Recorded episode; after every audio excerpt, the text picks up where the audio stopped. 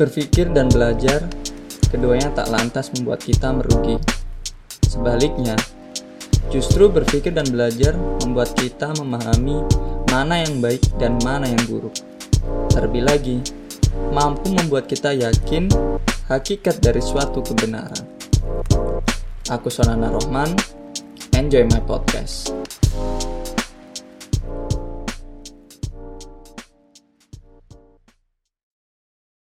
Assalamualaikum warahmatullahi wabarakatuh. Selamat datang di podcast Sona Mikir bareng aku sendiri, Sona. Teman-teman sekalian bagaimana kabarnya? Semoga teman-teman baik-baik aja ya. Nggak ada kendala sama sekali. Dan benar-benar oke okay banget di apa ya segala kondisi dan performanya juga. Serta semoga teman-teman bisa meraih apa yang benar-benar teman-teman sudah targetkan sebelumnya untuk dikejar itu ya.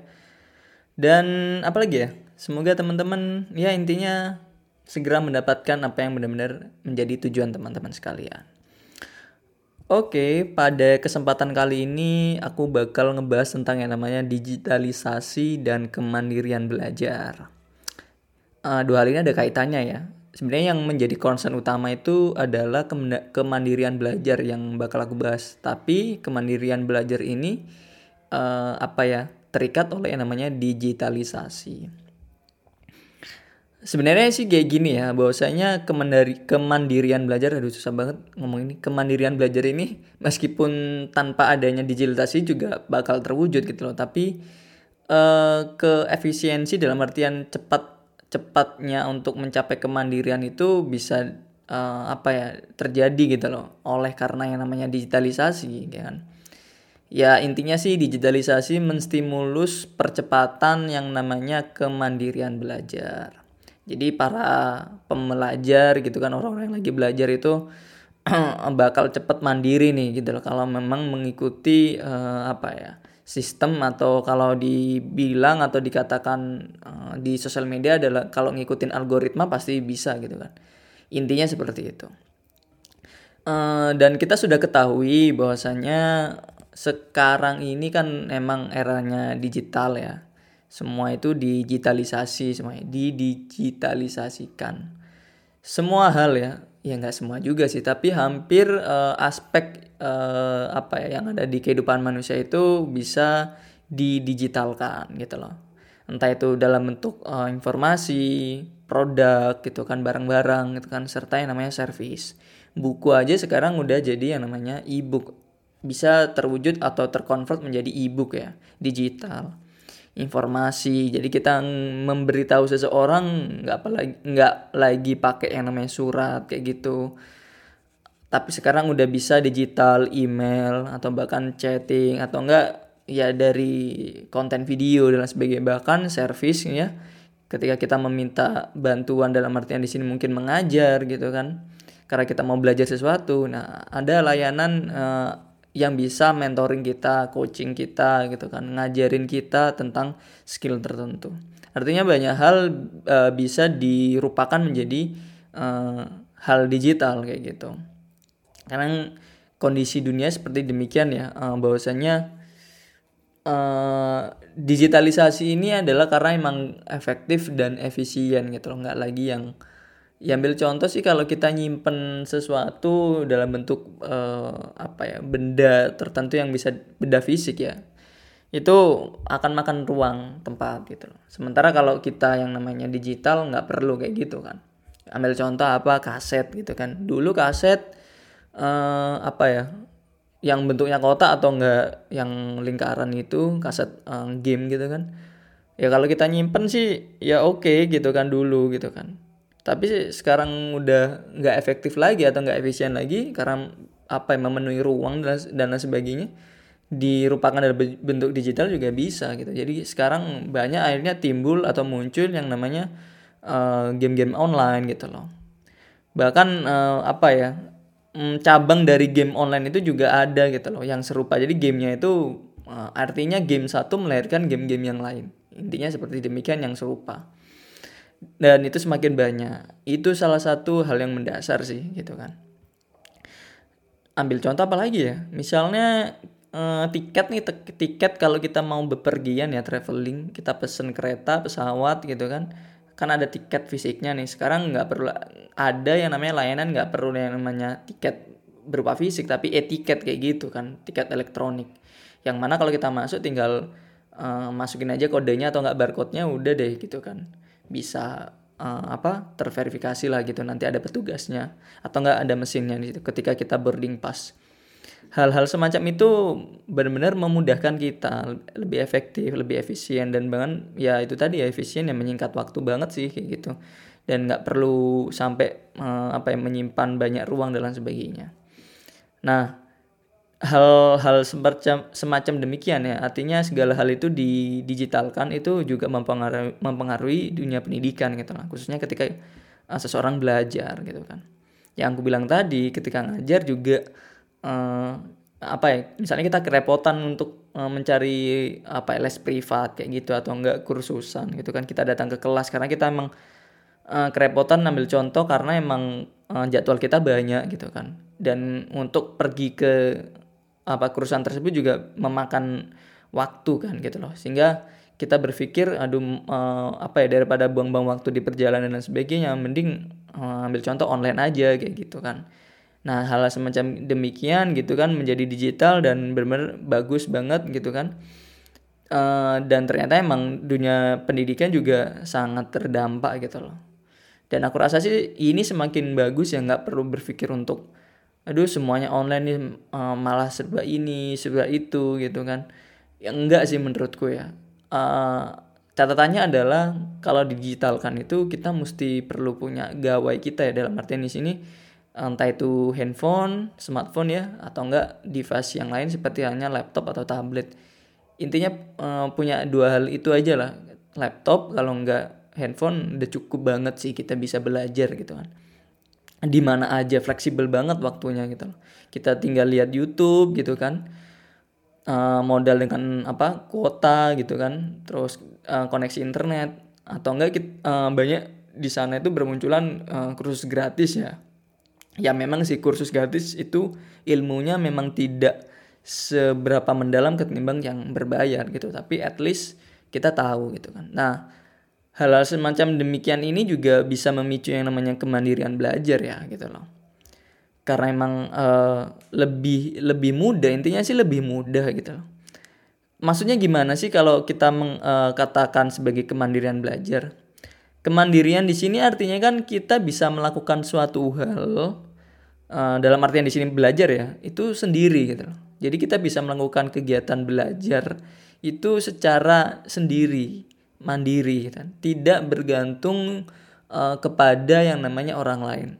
Oke, okay, ada esensi atau ada substansi tentang bergantung ya sebenarnya. Nggak purely benar-benar sendiri atau mandiri tapi meskipun uh, ada yang namanya apa ya keterlibatan orang lain di sini atau pihak lain tapi tidak terlalu ataupun tidak benar-benar secara signifikan banget dirasa gitu loh artinya ketika kita mengatakan kemandirian belajar terus lo ini ada bantuan orang lain lo ada tutornya juga. Tapi tutornya ini memang benar-benar uh, apa ya menstimulus gitu loh ya kan?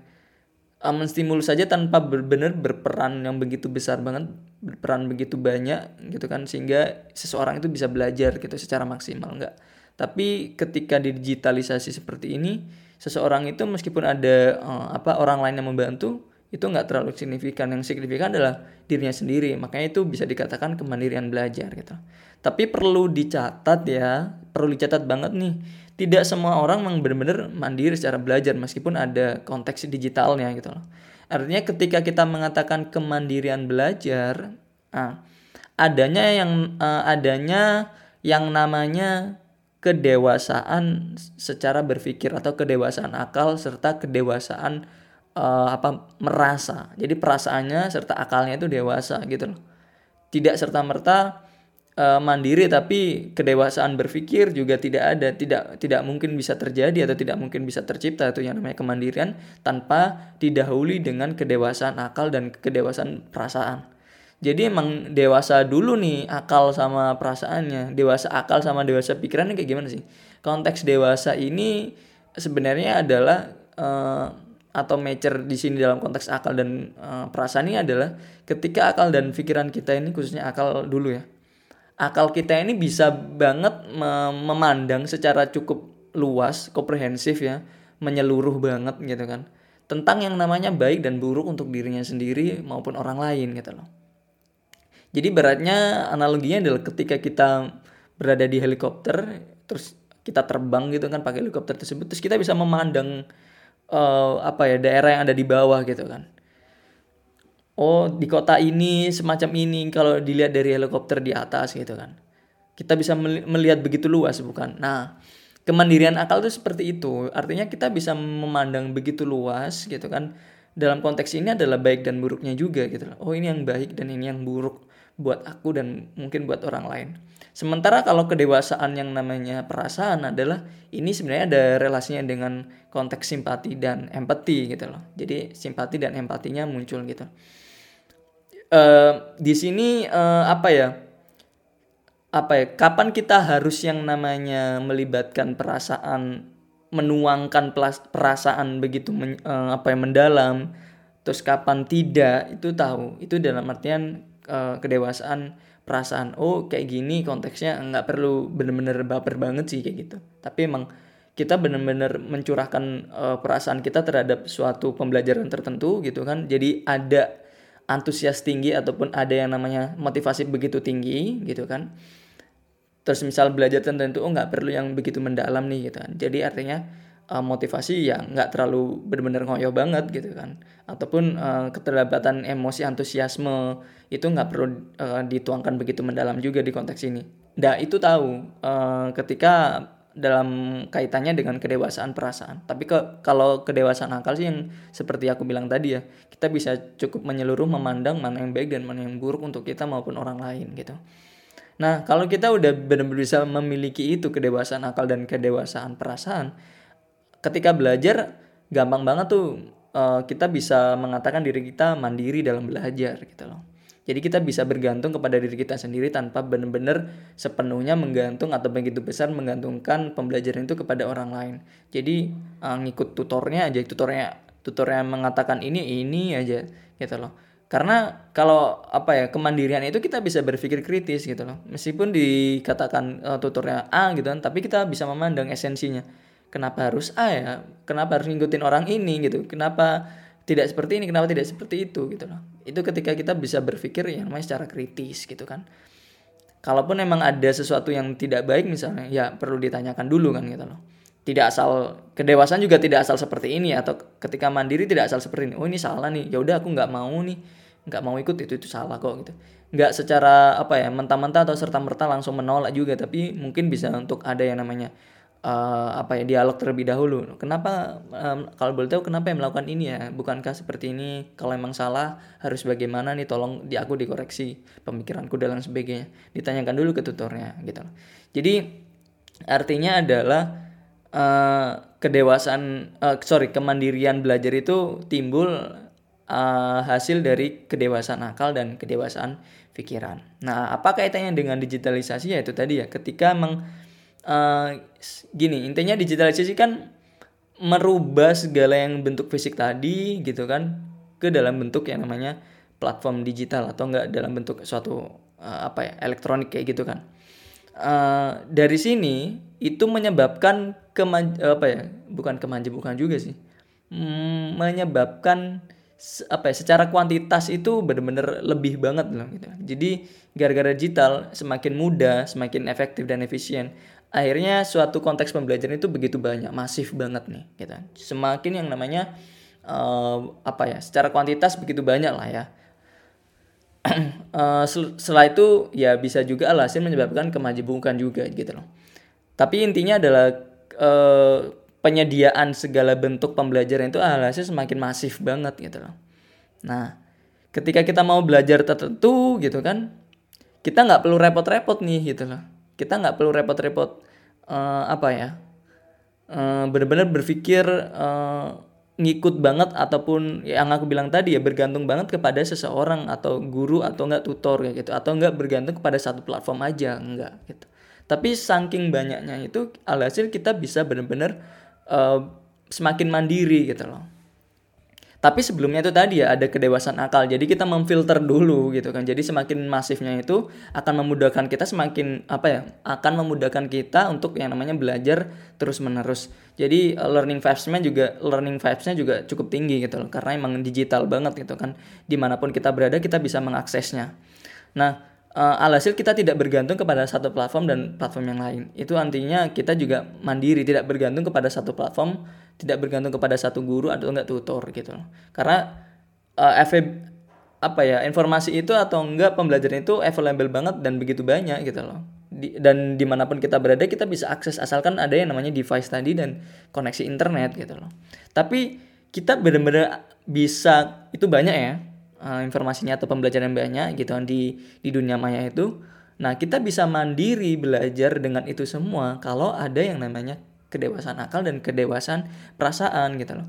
Jadi sebelumnya kita memfilter dan kita akhirnya menjatuhkan mana yang harus benar-benar kita apa ya taruh motivasi begitu besar terhadap platform ini atau enggak ter terhadap pembelajaran ini ya gitu loh. Mana kita tahu gitu loh. Uh, yang mana yang kita taruh uh, apa motivasi yang begitu tinggi untuk belajar di platform ini atau enggak platform yang lain. Nah kan, terus kita filter gitu kan. Nah, oh ini kurang bagus oh ini yang namanya uh, apa ya lumayan bagus tapi prioritasnya di ini dulu karena emang ini sesuai dengan kebutuhan dan lain sebagainya sehingga kita akhirnya uh, belajar di situ menggali terus oh udah mentok nih kita bisa belajar yang lain ya kita tahu gitu loh ketika kita tahu harus uh, harus berbuat apa gitu selanjutnya itu bisa dikatakan ke dalam konteks mandiri juga dalam belajar sementara kalau kita tidak tahu sama sekali meskipun apa ya kita sekedar tahu uh, informasi atau enggak pembelajaran itu begitu banyak di era digital sekarang gitu. Tapi kita nggak tahu ya mana yang harus kita pelajari, terus mana yang harus kita dahulukan. Itu artinya kita juga belum uh, benar-benar mandiri dan belajar gitu loh. Sementara kalau kita udah mandiri, oh ini dulu, setelah itu ini, ini, ini dan sebagainya gitu. Oh ini nggak bisa, oh selanjutnya kalau nggak bisa berarti aku harus lari ke sini, harus lari ke situ dan sebagainya. Nah itu dikatakan mandi, mandiri dalam belajar. Gara-gara digital, itu semua bisa terjadi sehingga aku katakan sih digital ini enak banget untuk menstimulus kemandirian kita untuk yang namanya belajar. Nah, tapi sebelumnya lagi-lagi aku harus katakan bahwasanya kalau kita mau mandiri dalam belajar di aspek digital ini ya kita mesti mendewasakan akal kita dan perasaan kita terlebih dahulu gitu. Nah, gimana untuk mendewasakan akal dan mendewasakan pikiran?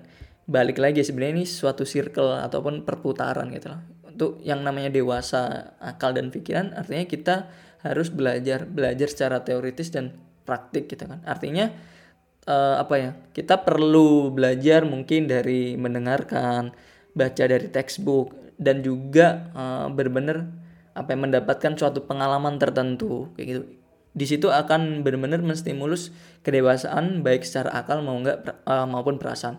Kalau udah dewasa, kita pun bisa menjadi seorang yang mandiri. Kalau kita mandiri, terus uh, kita mau belajar di era digital, kita akan semakin mandiri gitu jatuhnya karena kita udah tahu gitu loh. Mana yang harus di apa ya, prioritaskan untuk yang namanya belajar, mana yang menjadi nomor dua, ketiga dan lain sebagainya. Karena era digital sekarang aku lagi katakan nih bahasanya ini akan benar-benar mendistribusikan banyak hal. Entah itu bentuk informasi produk maupun service di dunia maya ini di internet ini. Kayak gitu. Dan apa ya aku rasa sih teman-teman eh, nggak uh, ada lagi excuse tentang yang namanya aku harus belajar apa ya aku harus kayak gimana ya belajarnya mana dulu belajarnya uh, apa harus bagaimana dan sebagainya kayaknya mungkin uh, terlalu polos deh kalau zaman sekarang kita punya pikiran kayak gitu. Ya mungkin di awal-awal nggak tahu ya gitu tapi aku rasa sih eh, apa ya orang banyak orang ataupun media itu bisa ditanyain gitu loh. Kalau mau belajar misalnya beli contoh mau belajar fisika gitu kan. Mau belajar fisika nih untuk tingkatan eh, apa perkuliahan misalnya. Apa dulu yang harus dibahas ya gitu kan aku rasa sih eh, kita tanya dulu misalnya ke seseorang atau enggak ke mana ini ya. Langsung aja ketik di Google kayak gitu atau enggak YouTube gitu. Kayaknya udah ada ketersediaan informasi deh. Me, uh, pun kasusnya jikalau di Google tersebut atau di YouTube tersebut uh, jawabannya random ya gitu kan. Kita alhasil apa ya kita jalani aja dulu belajar atau pahami yang udah di provide sama Google dan YouTube tersebut. Kita jalani aja dulu belajar uh, insting kita atau naluri kita atau bahkan uh, apa ya logika kita akan alhasil memfilter gitu loh. Mensortir. Oh ini sepertinya emang uh, tidak dulu untuk dipelajari. Ini dulu deh yang dipelajari karena ini karena ini ngebahas hal yang begitu mendasar. Akan akan tahu kok. Nah itu artinya learning by experience yang learning by doing gitu loh. Kita akan benar-benar menyadari uh, muncul juga kedewasaan juga di situ. Alhasil kita bisa mensortir sendiri mana yang didahulukan untuk belajar mana yang tidak nah kalau kita udah tahu mana yang didahulukan dan mana yang tidak ya itu artinya kita juga sama halnya dengan mandiri gitu loh. Kita tahu soalnya. Nah tanpa pun kita bergantung sepenuhnya terhadap uh, media lain atau enggak seseorang gitu loh. Meskipun ada keterlibatan dari mereka pihak lain gitu kan. Ya tidak benar-benar secara menyeluruh artinya apa ya determinasi mereka mulai dari 0 sampai namanya 100 misalnya kalau range-nya 0 sampai 100 ya. Tidak seperti demikian tapi ya mungkin 0 sampai 20, 0 sampai 40, sisanya ya we do it ourselves gitu loh. Jadi benar-benar uh, at the end of the day ya kita sendiri yang akan melakukan dan di situ ya kalau kita benar-benar tahu banget alhasil ya kita bisa dikatakan mandiri dalam belajar. So apa ya pesan yang in the, uh, in the end pesan yang benar-benar ingin aku sampaikan adalah nggak ada lagi excuse ya tentang yang namanya bingung banget belajar harus kayak gimana. Tapi udah kalau bingung ya jalan aja dulu belajar gitu lah. Nyemplung aja dulu gitu kan. Alhasil kita akan tahu gitu kan. Tapi itu bagi yang punya mental nekat kayak gitu ya. Tapi itu itu patut untuk dicoba juga gitu kan. Tapi kalau emang teman-teman tidak seperti itu orangnya ya teman-teman tanyakan dulu kepada orang lain yang udah tahu gitu kan teman gitu kan. Atau enggak siapa uh, apa ya orang yang lebih paham lah intinya gitu kan kalau nggak gitu nggak ada yang bisa benar-benar uh, apa memberitahu teman-teman ya tanyakan aja ke internet. Pakai Google, YouTube dan platform-platform yang lain juga pasti akan bisa memberikan suatu rekomendasi. Intinya seperti demikian. Karena penting banget punya kemandirian belajar jangan sampai kita benar-benar menggantungkan ya uh, sepenuhnya itu kepada orang lain. Kita ber, kita boleh menggantungkan uh, sesuatu hal itu kepada orang lain tapi tidak benar-benar sepenuhnya gitu loh karena emang yang jelas yang taking action ya kita sendiri sih gitu. Manfaatnya juga kita bakal dapetin sendiri gitu loh intinya. Kalaupun kita emang bergantung pada orang lain ya tidak sepenuhnya ya kembali seperti itu. Itu aja yang bisa aku sampaikan. Uh, kurang lebihnya aku mohon maaf. Dan sampai jumpa di podcast berikutnya. Wassalamualaikum warahmatullahi wabarakatuh. Bye.